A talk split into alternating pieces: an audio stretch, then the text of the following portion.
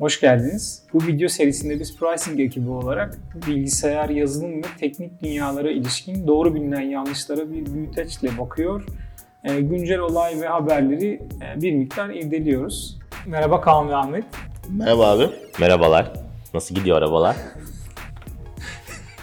40 dakikadır bu şakaya hazırlanıyor. Ben tamamım artık. Ahmet dönüşün gerçekten muhteşem oldu. evet bugün Ahmet yeniden aramızda. Hoş geldin Ahmet. Hoş bulduk. Nasılsın? İyiyim, teşekkürler. Programınızı oldukça yakından takip ediyorum. Ee, tekrar buraya katılarak varlığımı hissettirmek istedim. Ben e, gazetede bir şeyler gördüm. Hemen koşarak direkt buraya geldim. Gazetede ne gördün Ahmet? Gazetede e, Pricing bir başka şirketi satın aldığını gördüm. Evet bu hafta çok mutluyuz. Bu e, satın alma gerçekleşti. E, Pricing Avustralyalı en büyük e, rakibini Spotlight'ı satın aldı. E, hem pazarı hem teknolojisini e, kendi içine kattı. Burada da buradan paylaşmış olalım. Gayet bizi mutlu eden güzel bir haber. E, gazeteler falan da sağ olsunlar ilgi gösterdiler. Çeşitli hem dijitalde hem basılı da epeyce yer aldı. E, mutluyuz. E Kaan sen ne satın aldın en son bu aralar? Ahmetciğim şimdi herkesin bütçesine göre biz Avustralya'da bir şirket satın almadık ama Çinli bir telefon satın aldım ben de. Aynen gördüm. Onun markası ne? Huawei mi? Ee, Huawei. Evet adıyla ilgili böyle bir şey var değil mi? Çinli markaların üstelik de premiumlarının adlarıyla ilgili bir sorun var. Yani ben sitelerinden bakıyorum ne olduklarını. Ee, yanılmıyorsam Huawei diye okunuyor. Çinliler kendileri başka okuyor sanırım ama hani uluslararası pazarda Huawei diye okuyorlar. Bir de Xiaomi diye yazılan Xiaomi diye okunan başka bir Çinli premium marka var. O da Xiaomi diye galiba kendini lanse ediyor. Ama hakikaten okuması zor. Huawei bu arada bu pazarda da yeni değil. Yani ta 95'lerden beri baz istasyonu falan satan bir şirket Türkiye'de satıyordu. Çok eskilerden beri. Ee, şimdilerde telefon pazarında yeni. Hayırlı olsun. Sen Apple'cıydın, iPhone kullanıyordun. Ya abi yani iOS insanı kısıtlıyor. Keyfine göre klasör bile oluşturamıyorsun. Android daha özgürlükçü. O yüzden Android'e geçeyim dedim artık. Yani yine çok klişe bahanelerden biri. Ee, iyi, güzel. Memnun musun? Abi yani kamerası iyi de böyle telefon bir tık yavaş gibi geldi bana. Kamerası Leica yanılmıyorsam yeni modellerinin. Aynen aynen abi. Yavaşlığı da Android'in yavaşlığı e, bir tık böyle hep söylenen şeylerden biri ama yani Android'in kendisi yavaş değil. Android'in UI komponenti yani user interface'i yani kullanıcı arayüzünde kullandığı e, bileşeni e, Java diliyle yazılmış durumda. E, orada Java'nın kendi iç mekanizması gereğince e, yavaş gibi hissettirebilecek bazı çalışma metodları var. O yüzden hani ki- kimi telefonlarda, e, kimi zamanlar e, yavaş gibi hissettirebiliyor son kullanıcıya. Aslında Android'in kendisi yavaş değil. Android'in UI bileşeninin iç mekanizmasında bir şeyler biraz daha farklı çalışıyor. Diğer mobil işletim sistemlerine kıyasla aslında. Diğer dediğim zaten çok fazla da bir elimizde bir şey yok. Eskiden WebOS vardı. E, Symbian vardı. E, şimdilerde Android ve iOS var sadece. Android'in kendisi deyince aslında belki de içini biraz açmak lazım. Android nedir? Bu Android e, Star Wars'ta da vardı. C-3PO vardı. R2-D2 vardı. Onlar Droid'ti sanki sadece ya. İşte Android'de droid olmayan hani maddi varlığı olmayan Droid, onlar- Android. Android. Ha, iOS muydu o zaman onlar? Android sözcüğüne erken dönemde rastlıyoruz. 1800'lerde bir araya getirilmiş bir kitapta rastlıyoruz. Kitabın ismi Cadılık ve Büyüler, Metafizik ve Sihir Öğretisi ve Ritüelleri gibi bir adı var Türkçe'ye çevirince. Ee, 1200'lerde Albertus Magnus diye bir Katolik rahibi tarafından yazılmış. Albertus Magnus insanlara hizmet eden robotik, mekanik bir e, insansı ma- makineden bahsediyor. Ee, sonra onun öğrencisi Akinalı Thomas ki aydınlanma devrinde epey rol alan meşhur bir rahip ve düşünür. Ee, bu makinenin makineden hoşlanmadığı için çekiçle kırarak yok ediyor filan. Ee, dolayısıyla Android kelimesinin temelleri ta 1200'lere kadar gidiyor. Ee, sonra George Lucas dediğin gibi Ahmet'in söylediği gibi Star Wars'ta droidlerin isimlerini bu Android kelimesinden esinlenmiş ve almış. Ee, sonra 1968 yılı olması lazım. Philip K. Dick Androidler elektrikli koyun düşler mi diye bir kitap yazıyor. Android işletim sisteminin adı ta 1200'lerden işte bu yollardan geçerek e, Android olarak belirlenmiş. Ben şey merak ediyorum ya şimdi çeşit çeşit markaların bir sürü Android telefonu var.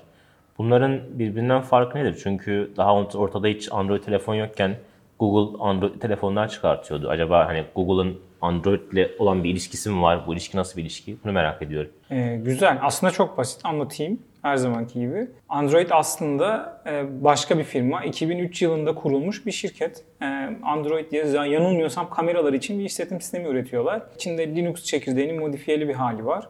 Yani bildiğimiz desktop bilgisayarlar için olan Linux çekirdeğinin modifiyeli bir hali var.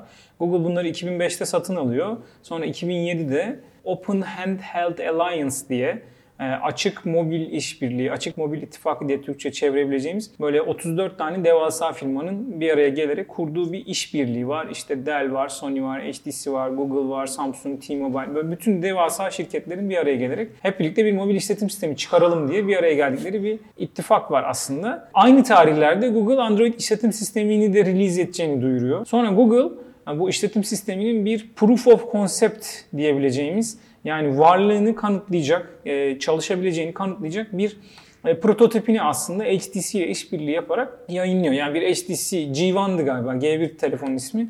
HTC telefonun üzerine bir işletim sistemi yazıyorlar ve o işletim sistemini aslında satın aldıkları Android firmasının işletim sistemini e, telefonla birlikte yayınlıyorlar. Dolayısıyla Google o tarihlerde telefon satıyordu. Hala bunu yapıyor. E, en yeni teknolojinin demosunu, prototipini bir telefon üreticisiyle birlikte üreterek satıyor. E, bugünlerdeki galiba son telefonun ismi de Google Pixel 3 olması lazım. Aralarda en meşhurları bilindikleri işte birkaç tane vardı. HTC G1, HTC Dream de diyorlardı. Sonra Nexus One vardı. Nexus serisi geldi epeyce. Nexus One yine çok meşhur telefonlardan. Ben de bir dönem kullanmıştım. Ee, Pixel 3'ü de bugünlerde Foxconn'la galiba birlikte üretiyorlar. Ya doğrudan aslında Samsung'un, Apple'ın e, ürettirdiği firma ile çalışıyorlar. Onlarla çalışmak yerine. Dolayısıyla dediğim gibi Google e, Android işletim sisteminin prototipini kendi ürettiği bir telefonda yayınlıyor diyebiliriz. Dolayısıyla ilişkisi bu. Android açık kaynak projesi diye bir proje var.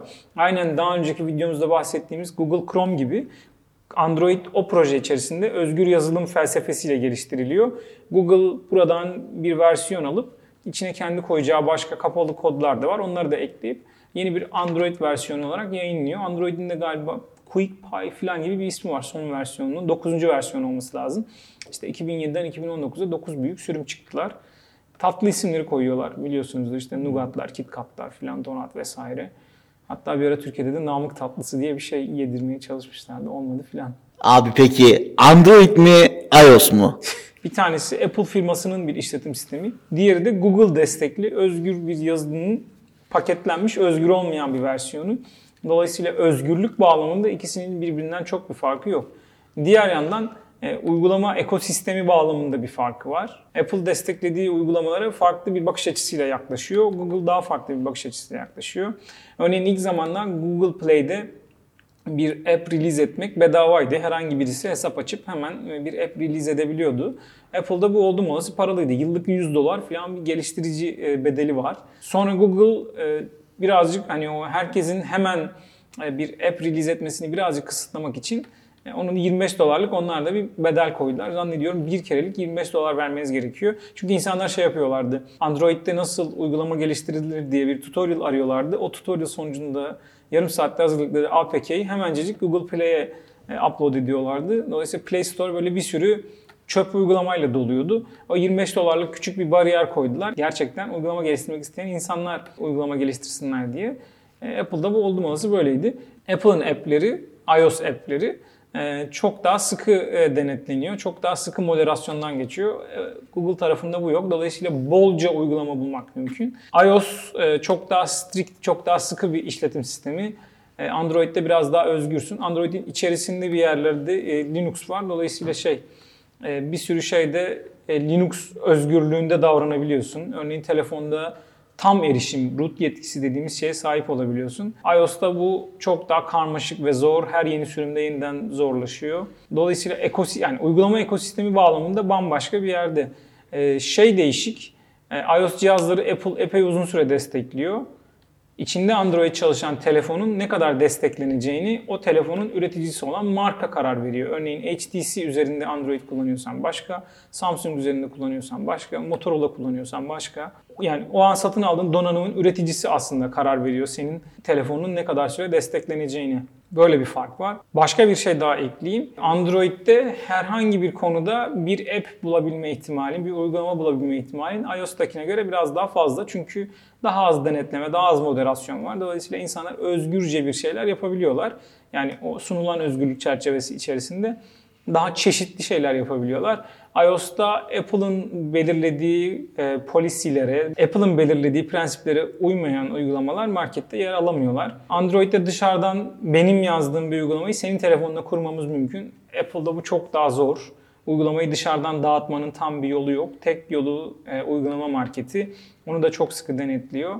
Dolayısıyla iOS'taki uygulamaların sorunsuz çalışma ihtimali Android uygulama marketindeki uygulamaların sorunsuz çalışma ihtimaline karşın daha yüksek aslında. Sebebi de aslında saydığım çeşitlilik ve işte kabaca biraz daha özgür bir ortam olması Android tarafında. Yani bunlar tamamen bir e, denge. Bir tarafta biraz daha özgür ve çeşitli bir ortam var. Diğer tarafta daha sıkı ve daha stabil diyorlar. Öyle bir ortam var. Hangisini seçeceğin tamamen senin kişiliğine kalmış.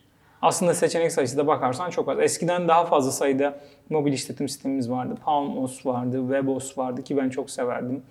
E, Symbian vardı, işte iOS, e, Android. Eskiden daha çok çeşit vardı. Şimdi iki seçeneğe kabaca indirgenmiş durumdayız. Abi peki bunların uygulamaları hangi programlama dilinde yazılıyor? Oralar biraz çeşitlendi oralar. Android esasen Java ile e, uygulama yazmaya izin veriyor.